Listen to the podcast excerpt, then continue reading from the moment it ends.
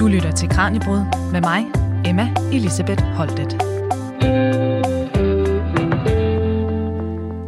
Ulla, du er nok den i Danmark, der ved allermest om, hvad der var ind helt tilbage fra stenalderen og frem til vikingetiden. Hvis du i dag skulle iklædes en af de her forhistoriske dragter, som du arbejder med til hverdag, hvilken en vil du så vælge? Ja, det er et rigtig godt spørgsmål, for vi er faktisk så heldige, at vi har adskillige komplette øh, dragter fra vores forhistoriske periode. Men hvis jeg skulle vælge en af dem, så måtte det blive Huldermosekvindens dragt. Og Huldermosekvindens dragt, hun er øh, fra den tidlige del af jernalderen, og det er faktisk det mest velklædte moseliv, vi overhovedet har fra Danmark eller fra Nordeuropa jeg er jo ikke nogen øh, ung pige længere, så øh, jeg tror, at hendes dragt ville passe mig rigtig godt. Den øh, består af en hel masse forskellige dele, og allerinderst på kroppen har hun haft en øh, hør øh, kjole på, øh, som har dækket både helt op fra, øh, fra skulderen og måske helt ned til fødderne. Uden på den her hørkjole har hun haft en ulden nederdel, og den er meget, meget smukt øh, vævet med i tern, og den har både haft øh, tern af naturligt pigmenteret uld, men den har sørme også været farvet, og den har haft sådan nogle blågrønne farver. Og herudover så har hun også et øh, ternet tørklæde, om, og, som hun har kunnet trække rundt om hovedet. Det har også været vævet i øh, naturligt pigmenteret uld, og det har også været farvet. Det har haft sådan nogle lidt øh, rødlige farver, og øh, ikke nok med, at hun så har tre forskellige slags tekstiler på sig, men hun har også to skinkapper, som er lavet af nogle meget bløde og lækre forskin. Så hun har virkelig været velklædt, og jeg tror, jeg vil synes rigtig godt om at have den her dragt på, for den kan alting i både sommer og vinter. Den kan være både kølig, når man har en hørdragt på, og man kan, når man fryser, kan man tage ekstra uldne dragtdele på. Så i virkeligheden så er det en super funktionel og også meget æstetisk smuk dragt. Ja, og øh, vi kan jo godt afsløre for lytterne, at det her med øh, kvalitet og øh, lokale materialer osv., det er noget, vi i den grad kommer ind på her i løbet af dagens program. Fordi grunden til at stå udfrit og Ulla om det her, det er fordi, at lige nu der er der Københavns modeuge, og øh, i år der er der fokus her på bæredygtighed. I den anledning, der kaster vi i dagens Kranjebrud et blik tilbage i tiden og bliver klogere på vores forfædres mode. For kigger vi i historiebøgerne, ja, så var der altså ikke noget, der hed køb og smid væk kultur. Tværtimod, i dagens program der bliver vi derfor klogere på, hvordan vores forfædre gik klædt lige fra lokalt produceret skintøj og stof i vævet brænelle til vikingernes import af luksusmaterialer. Så lyt med nu, når vi på baggrund af altså netop vores forfædres mode strikker et bud sammen på, hvordan fremtidens grønne tøj måske kan komme til at se ud. Velkommen her til dagens Kranjebrud. Du lytter til Radio 4. Og vores guide i dag, der er med på en videoforbindelse, det er Ulla Mannering, Ph.D. i forhistorisk arkeologi, tekstilekspert og forskningsprofessor MSO ved Nationalmuseet. Ulla, tusind tak, fordi du bliver med, og, øh, og velkommen her til Kranjebrud. Tak skal du have. Og Ulla, lige her til at starte med, begrebet mode. Hvad er det egentlig? Og, øh, og måske også især, hvad er det, når vi taler om det i, i den historiske kontekst, som vi skal i dag? Ja, altså modebegrebet bruger vi jo alle sammen i flæng, og det betyder jo forskellige ting for os, og det kan jo defineres mere eller mindre sådan stringent. Og mode i dag er jo, kan man sige, et eller andet sted det, som vi accepterer som, som den, den her og nu trenden, det som vi skal alle sammen forholde os til, og som de strømninger, som, som vi bliver præsenteret for, og som vi jo også øh, bliver øh, super fascineret af, og gør, at vi jo hele tiden på en eller anden måde ændrer vores øh, udseende og de farver så, og det tøj, vi omgiver os med. Men, øh, så, men der er jo flere lag i det her, fordi at øh, den mode, som bliver præsenteret, og det er jo en mode, som kommer udefra. Mm. En, på, altså en industri, som serverer nogle trends, som vi jo så selv på en eller anden måde skal optage og gøre noget ved, men, men vi er jo afhængige af, kan man så sige, at de fleste mennesker i dag øh, producerer jo overhovedet ikke noget af deres eget tøj. Alt sammen er udefra og kommende påvirkninger, og noget vi så skal på en eller anden måde optage i vores beklædning.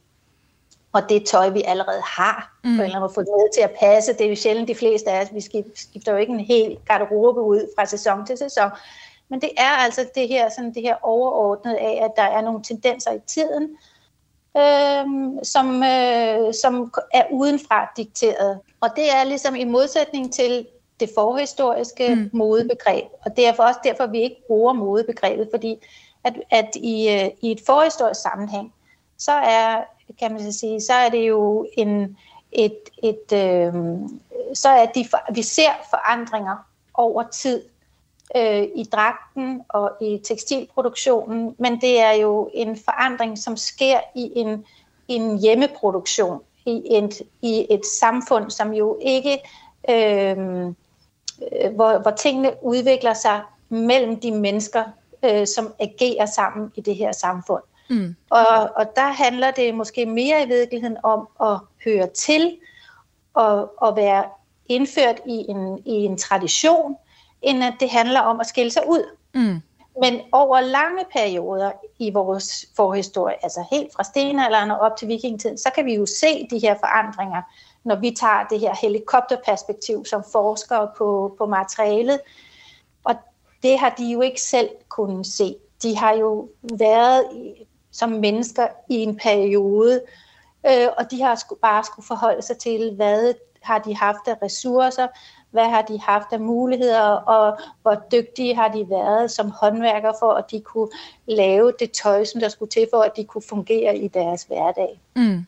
Så, så, så det er ikke et egentligt modebegreb, det handler mere om, og det vi kigger på, det er simpelthen forandringer over tid, forandringer i teknologi og i, i, i funktion, som så jo giver os et samlet billede af, hvordan dragten har set ud. Og den adskiller sig så mm. over tid. Men, men jeg tror ikke selv, at de har opfattet det som, øh, som mode, sådan som vi gør i dag.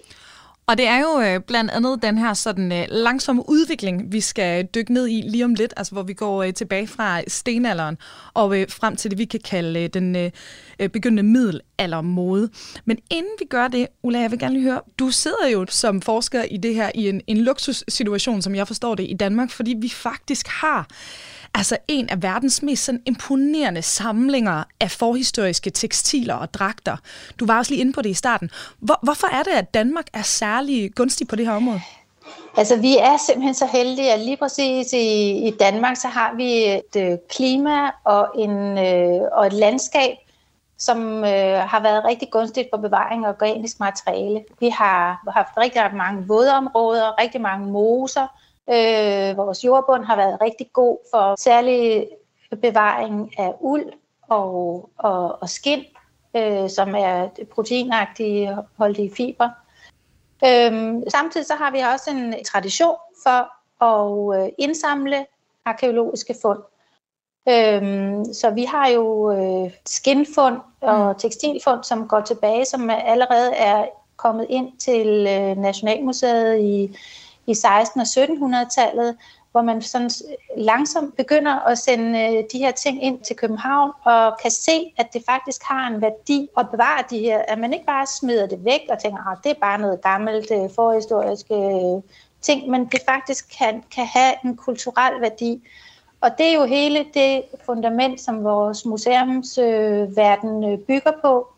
Vi har de her virkelig, virkelig gamle samlinger, øh, som stadigvæk, øh, med, når vi kigger på det med moderne analysemetoder, kan, kan bidrage med rigtig spændende ny viden. Og til nye lyttere, der kan jeg fortælle, at vi er i fuld sving her med Kranjebrød Radio 4's daglige videnskabsprogram, hvor vi i dag bliver klogere på vores forfædres tøj, helt fra stenalderen og frem til middelaldermoden. Og vores ekspert, der er med på en online-forbindelse i dag, det er Ulla Mannering, Ph.D i forhistorisk arkeologi, tekstilekspert og forskningsprofessor MSO ved Nationalmuseet.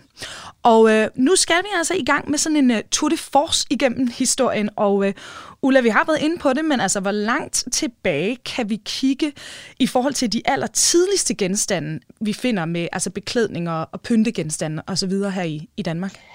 Ja, faktisk så er vi så heldige, så vi kan næsten gå tilbage til de aller tidligste tider, hvor mennesket kommer til øh, Skandinavien og til, øh, til Danmark.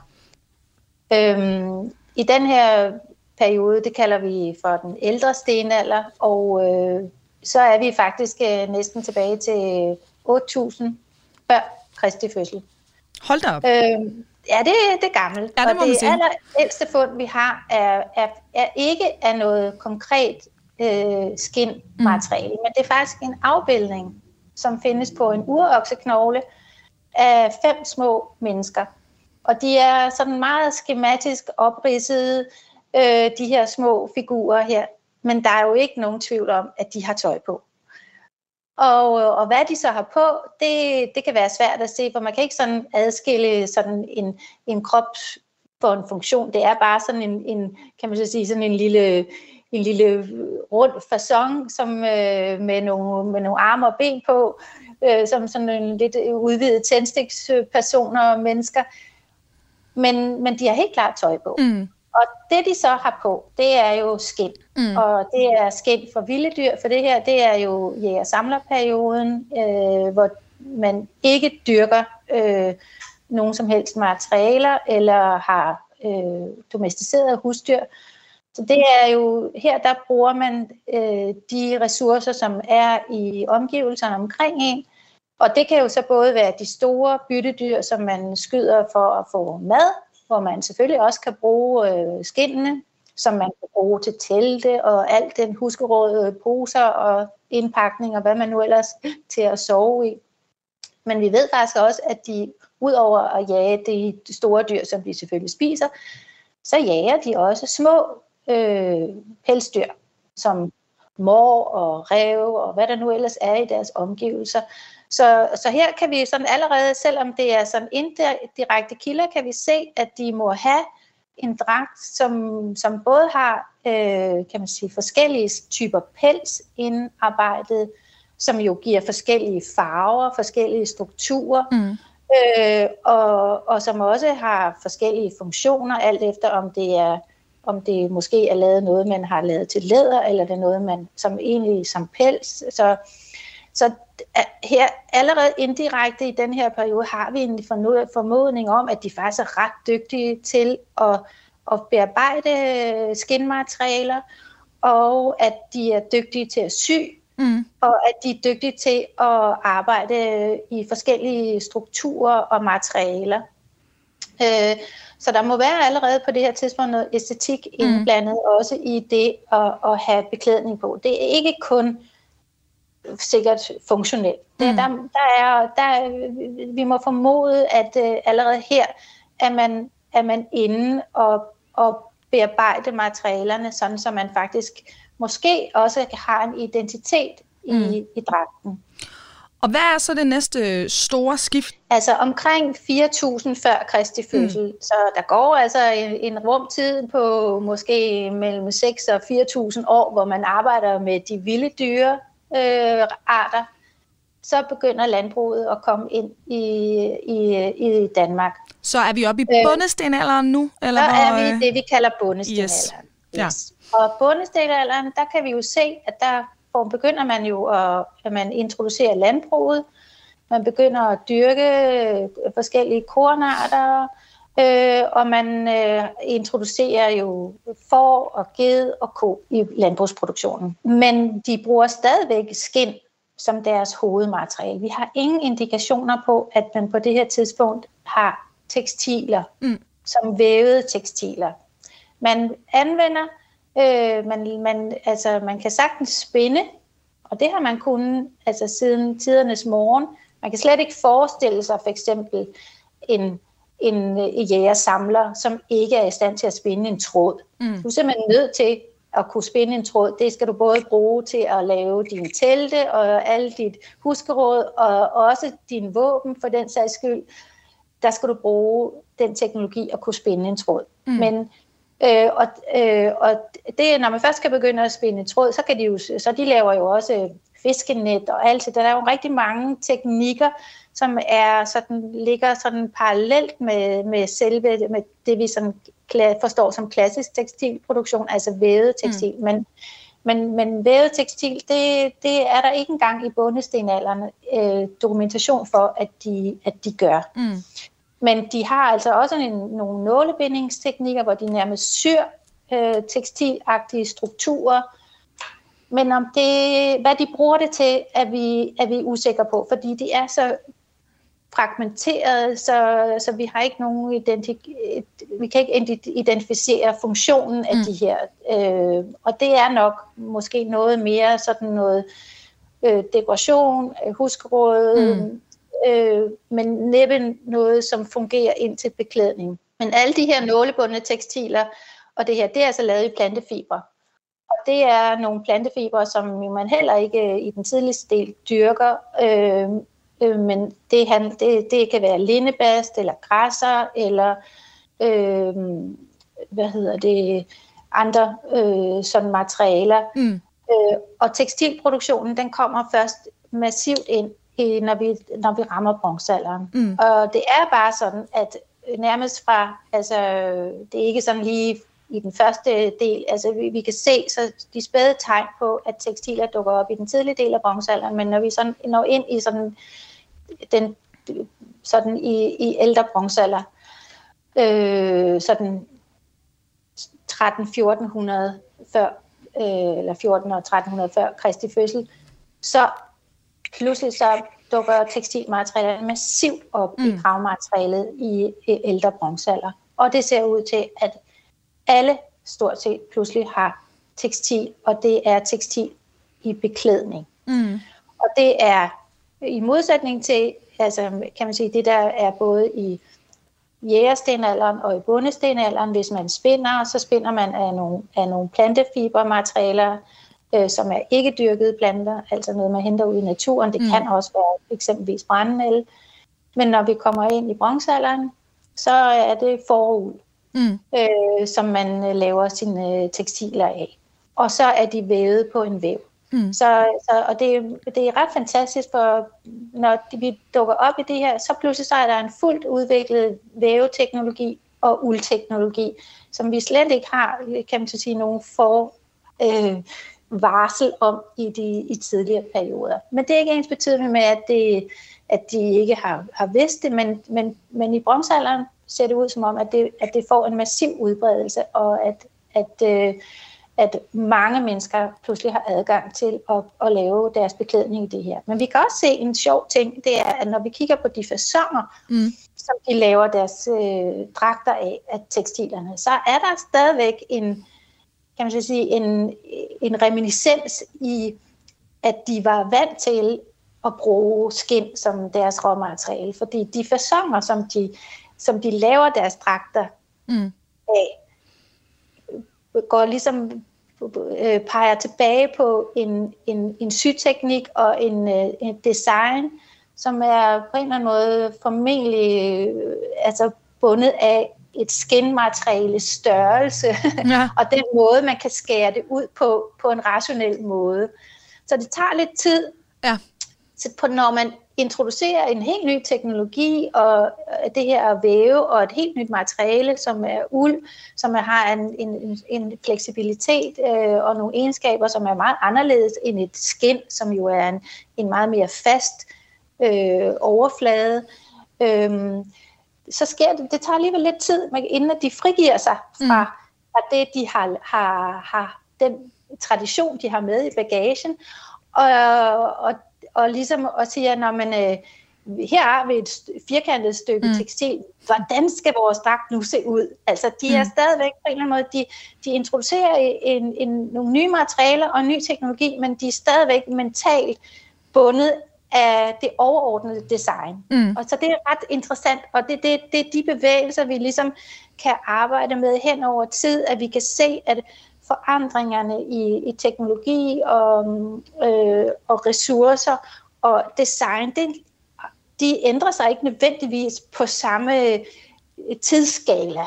Øh, og, og oftest er det sådan, at det, hvordan dragten kommer til at se ud, er det sidste, mm. som man ændrer på. Det er det allermest traditionelle i forhold til, at man måske gerne optager nye teknikker, eller mm. øh, bruger, kommer med nye materialer, eller pludselig synes man, det er interessant med forskellige farver. Men, men den måde, man, man overordnet designer dragten, det er meget traditionelt, og der skal rigtig meget til, før man når dertil at forandre sit udseende. Og hvad er det så for en udvikling, der sker, når vi så bevæger os fra, fra bronzealderen og så op til, til jernalderen? Altså, øh, alle, man kan sige, i første omgang, så skal vi jo forholde os til, at, at vi har vi har kilder i forskellige kontekster. Så i, fra nogle perioder, så, så, så arbejder vi med indirekte kilder, med lidt ikonografi eller mm. knoglematerialer, som i det stenalderen, og, og lidt plantematerialer. I bronzealderen, der arbejder vi med egekistegrave, som er højstatusgrave, men vi har rigtig meget af det, så øhm, og i, når vi når op i øh, den efterfølgende periode, som vi hedder ældre jernalder, så, så, så flytter fundene sig til en helt anden kontekst, som er mosekonteksterne. Mm. Og det er ikke egentlig begravelser. Så der er måske en forskel i det her, hvordan man begraver sin døde, og, hvordan, og hvilke tekstiler man lægger ned i en mosekontekst til en helt anden funktion. Mm. Så, så det kan ikke altid, at vi ligesom bare en til en kan sammenligne det.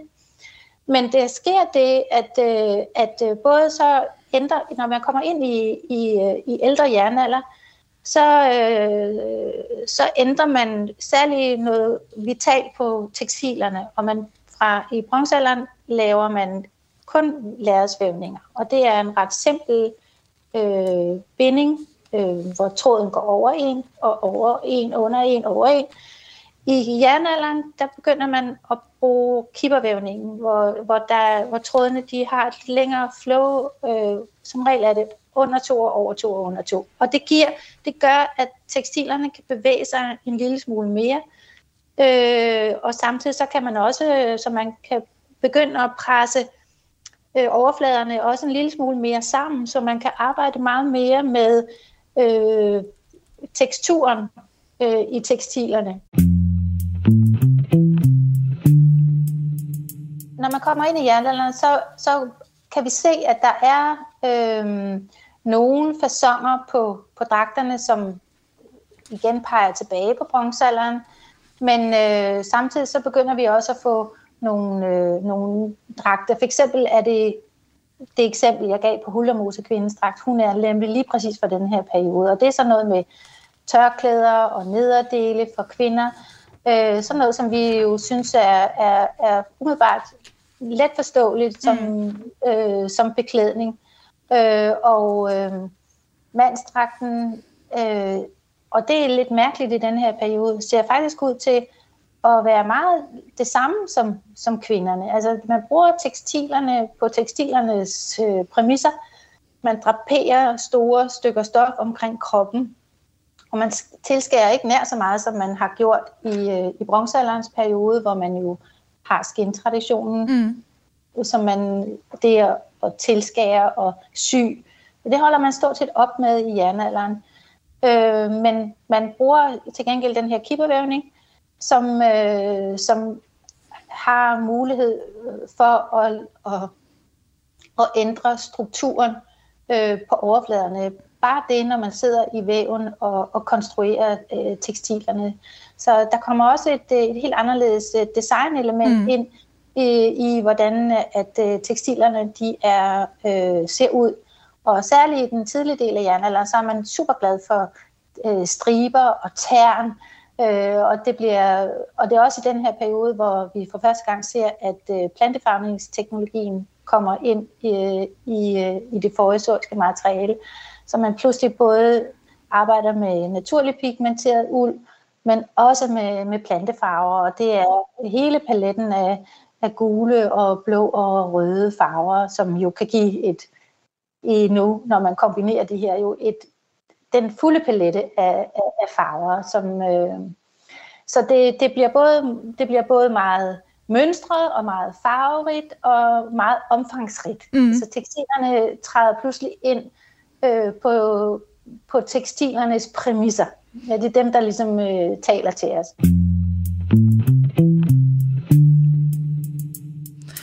Og hvad er det næste store skift? Er, begynder vi så at nærme os øh, vikingetiden, eller hvor vi, vi henser på, på tidslinjen? Altså, den øh, periode, som hedder ældre jernalder, som, som starter omkring 500 øh, før Kristi fødsel, mm.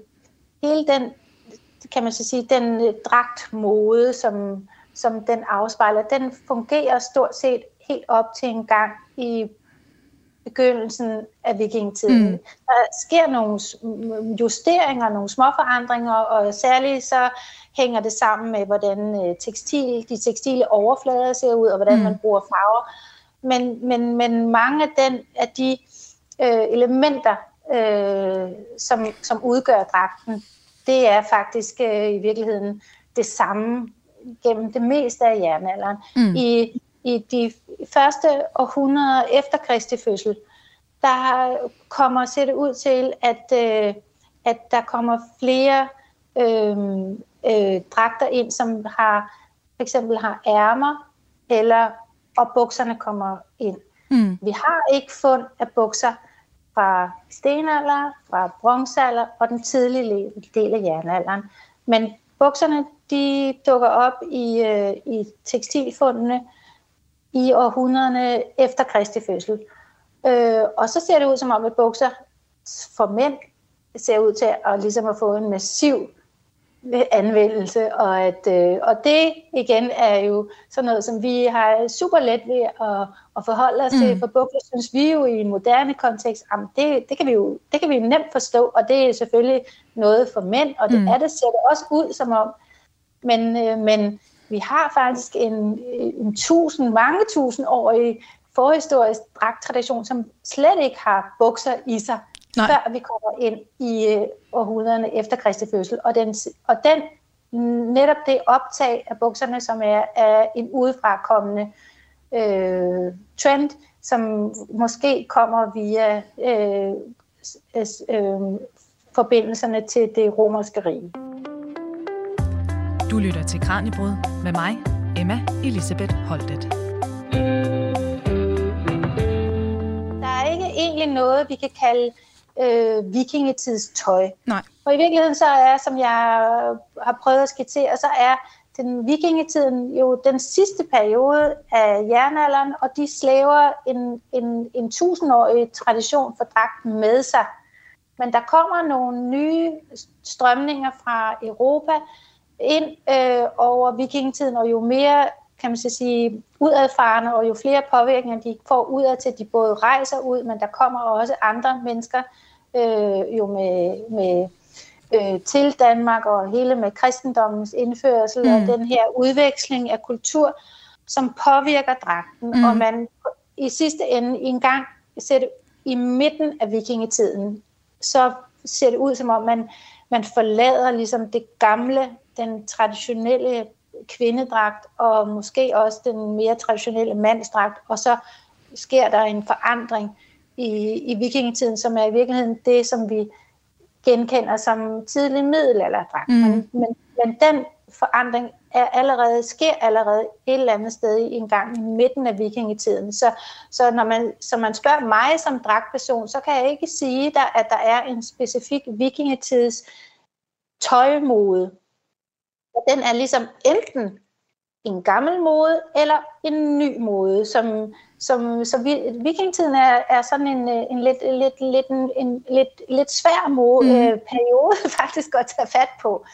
Men det spændende ved vikingtiden er også, at der her, kan man så sige, fordi de stadigvæk jo er bundet af de ressourcer, de har, har lokalt, mm. men samtidig kan vi også se, at der kommer øh, med de handels, nye handelsruter og den kontakt til, øh, til Europa, som, som, som de har, at pludselig kommer der nogle nye materialer ind i dragten, som mm. der ikke har været der før. Og det er jo primært silke, og så er det sådan noget som for eksempel at lave guld- og sølvtråde, som, som de bruger til dekorationer på deres dragt. Så der kommer et luksus mm. element ind i dragten, som vi faktisk ikke har set i, i tidligere perioder, øh, som er meget markant fra for vikingetiden.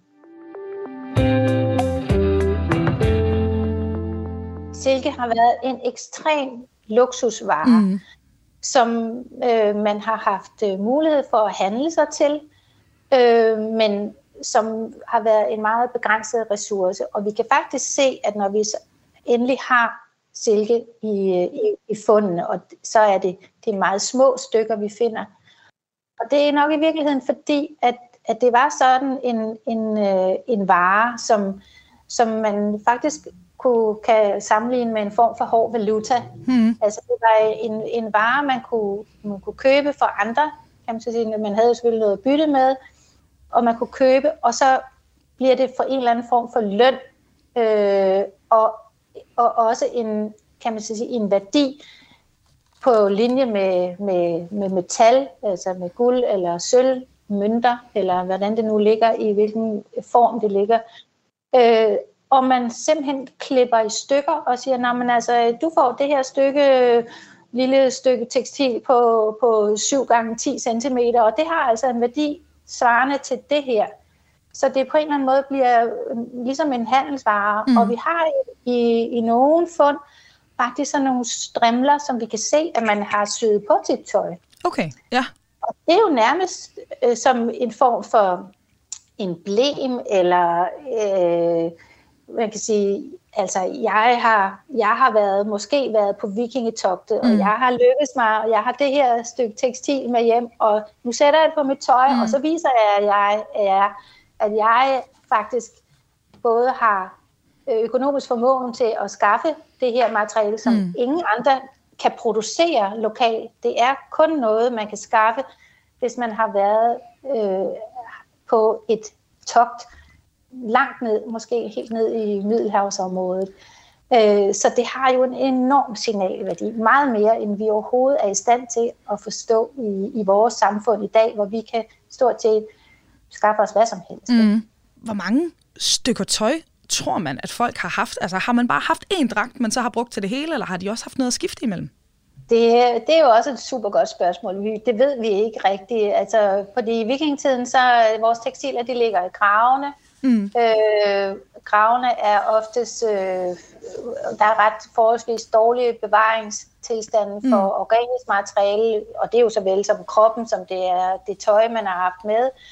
Men øh, så vi kan jo ikke nødvendigvis se, om, om de har haft meget mere tøj, end det, de er blevet gravlagt i. Men, øh, men vi kan i hvert fald se, at de tekstiler, som de omgiver sig med, er, har tit nogle gange været øh, i brug rigtig, rigtig længe. Mm.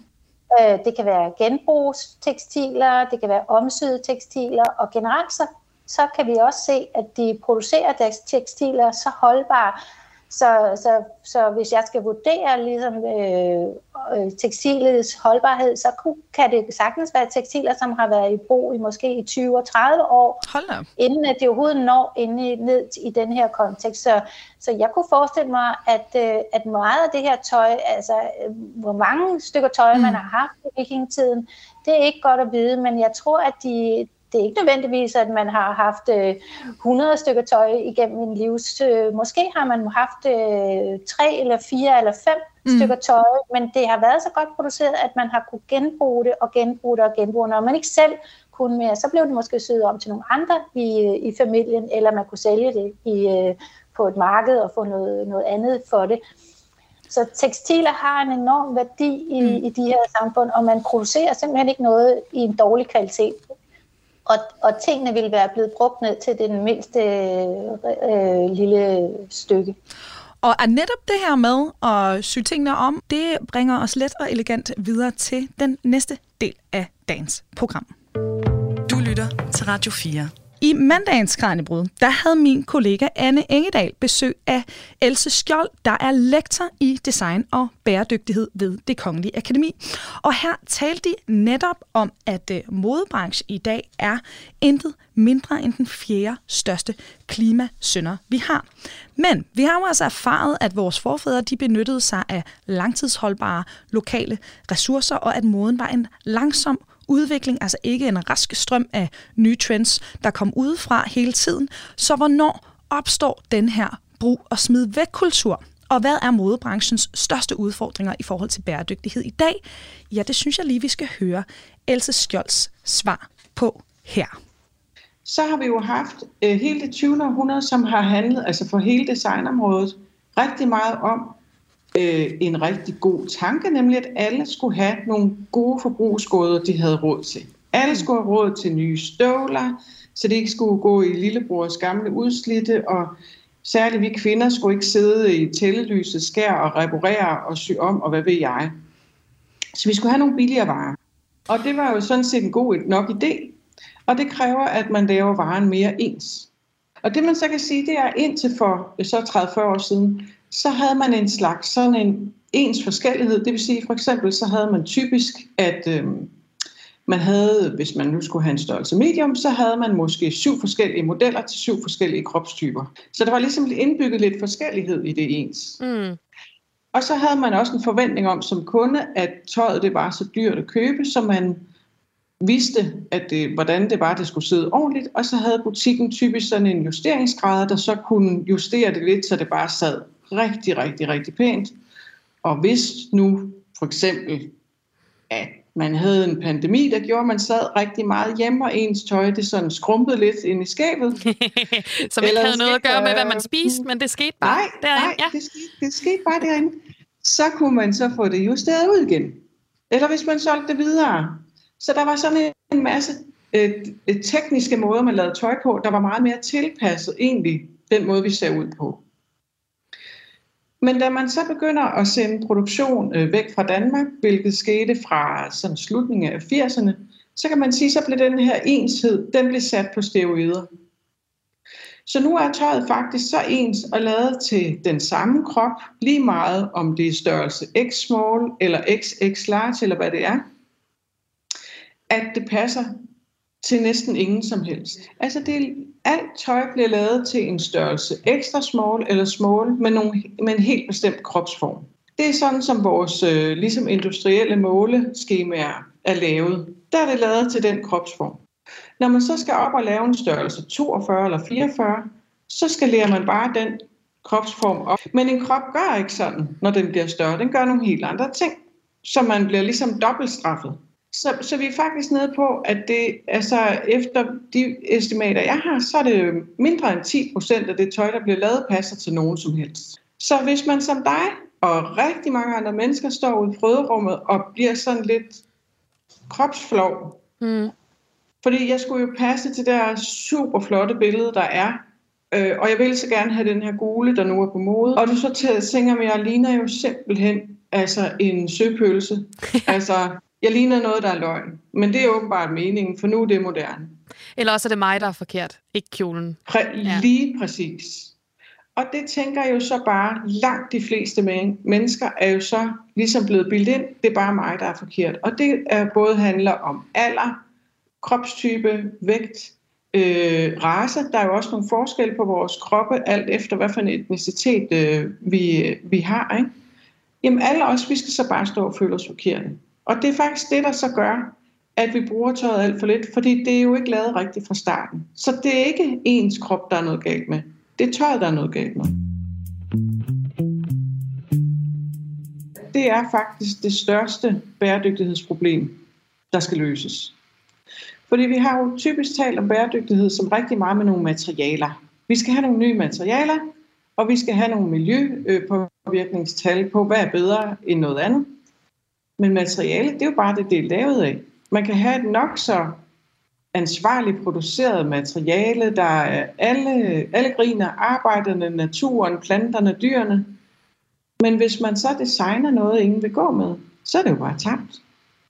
Og hvis man designer en million for meget af det, så har man stadigvæk lavet et ressourcetræk, som der slet ikke er ligesom plads til på vores planet. Øh, Forbrugerrådet Tænk gik jo for eksempel ind sidste år afdækket, at alene på butiksniveau, der er der 677 tons øh, usolgt tøj, der bliver kasseret.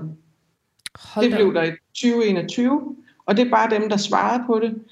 Øh, fordi at, at de jo simpelthen ikke laver en vare, som folk øh, vil betale for. Og derfor har vi ligesom haft en meget ulykkelig spiral med, at forbrugerne de får ikke det, de vil have, og virksomhederne får heller ikke det, vi har. Og den, den, det er ligesom mismatch, det vokser lige nu rigtig kraftigt. Og så tror jeg, det der er vigtigt, ligesom at vi taler rigtig meget om i den offentlige debat og med hinanden, det er, i stedet for at tale og kun om forbrug. Altså, nu købte jeg noget nyt, mm. eller jeg forbruger, det er jo at anskaffe sådan noget. Hvordan går det med at bruge det? Begynd at tale om det her med, hvad klæder mig rigtig godt? Hvad er den gode stil, jeg elsker?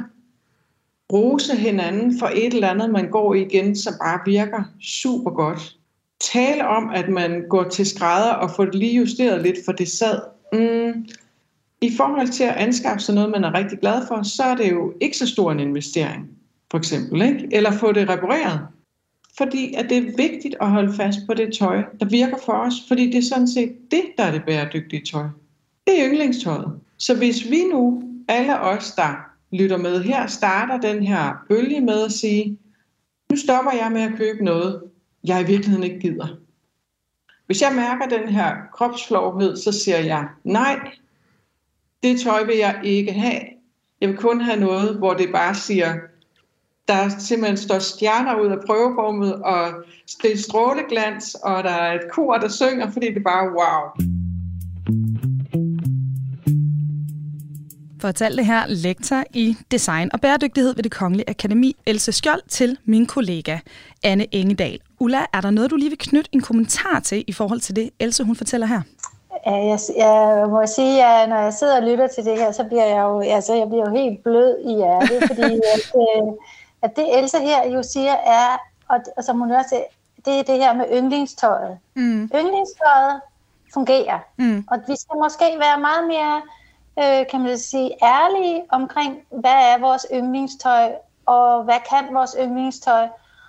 Og som hun siger, begynd at tale om, om, om, om det tøj, som, som faktisk fungerer, og ikke det tøj, som, på, som, som fungerer i vores hoveder, men som fungerer i den fysiske hverdag. Og det, jeg synes, det er så fantastisk at høre hende tale om det her. Det er også meget modigt, mm. for det går jo imod, kan man så sige, meget af de trends, som er, og den måde, som vi taler om, øh, om mode på og, og tekstilproduktion.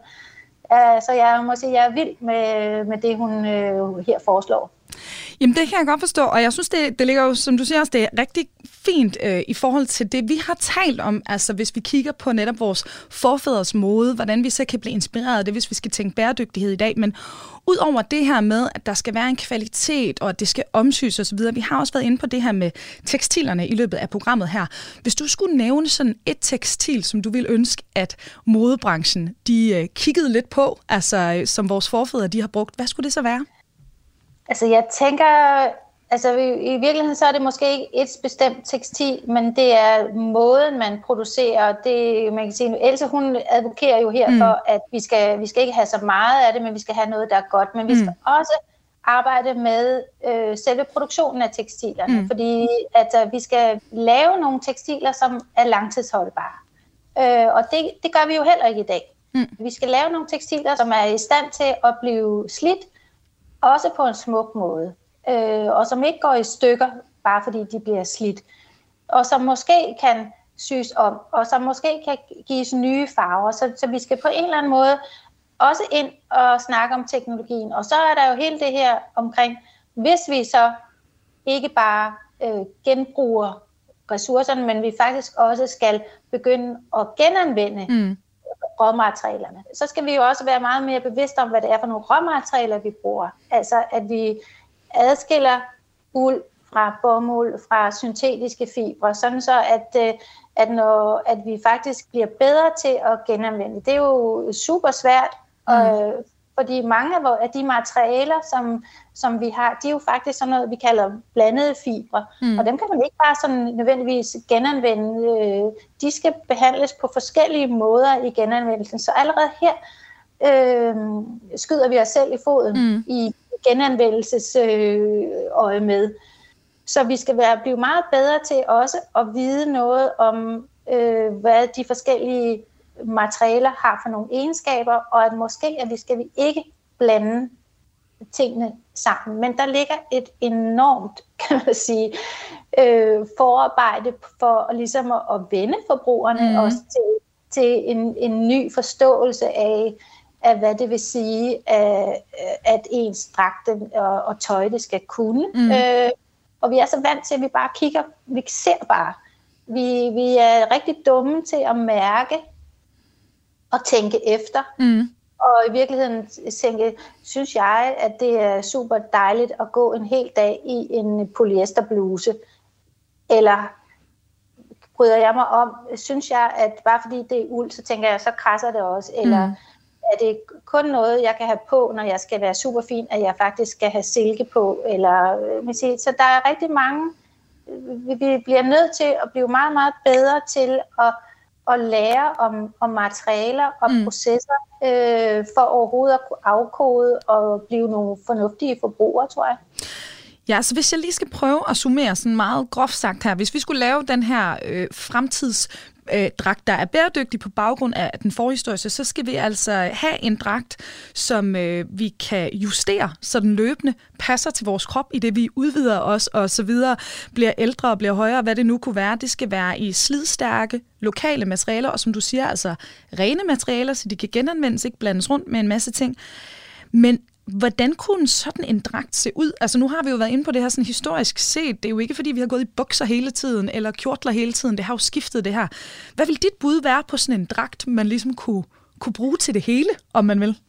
Ja, det, det er et, et super godt spørgsmål. Jeg har faktisk tænkt meget over, hvad ja. jeg, ligesom, øh, hvordan, hvad, for jeg må sige, i bund og grund, så øh, vil jeg være imod en, en, en, en uniformering mm. og en super standardisering og ensretning af tekstil. Jeg synes, det er super vigtigt, at vi kan udtrykke vores individualitet med vores dragt.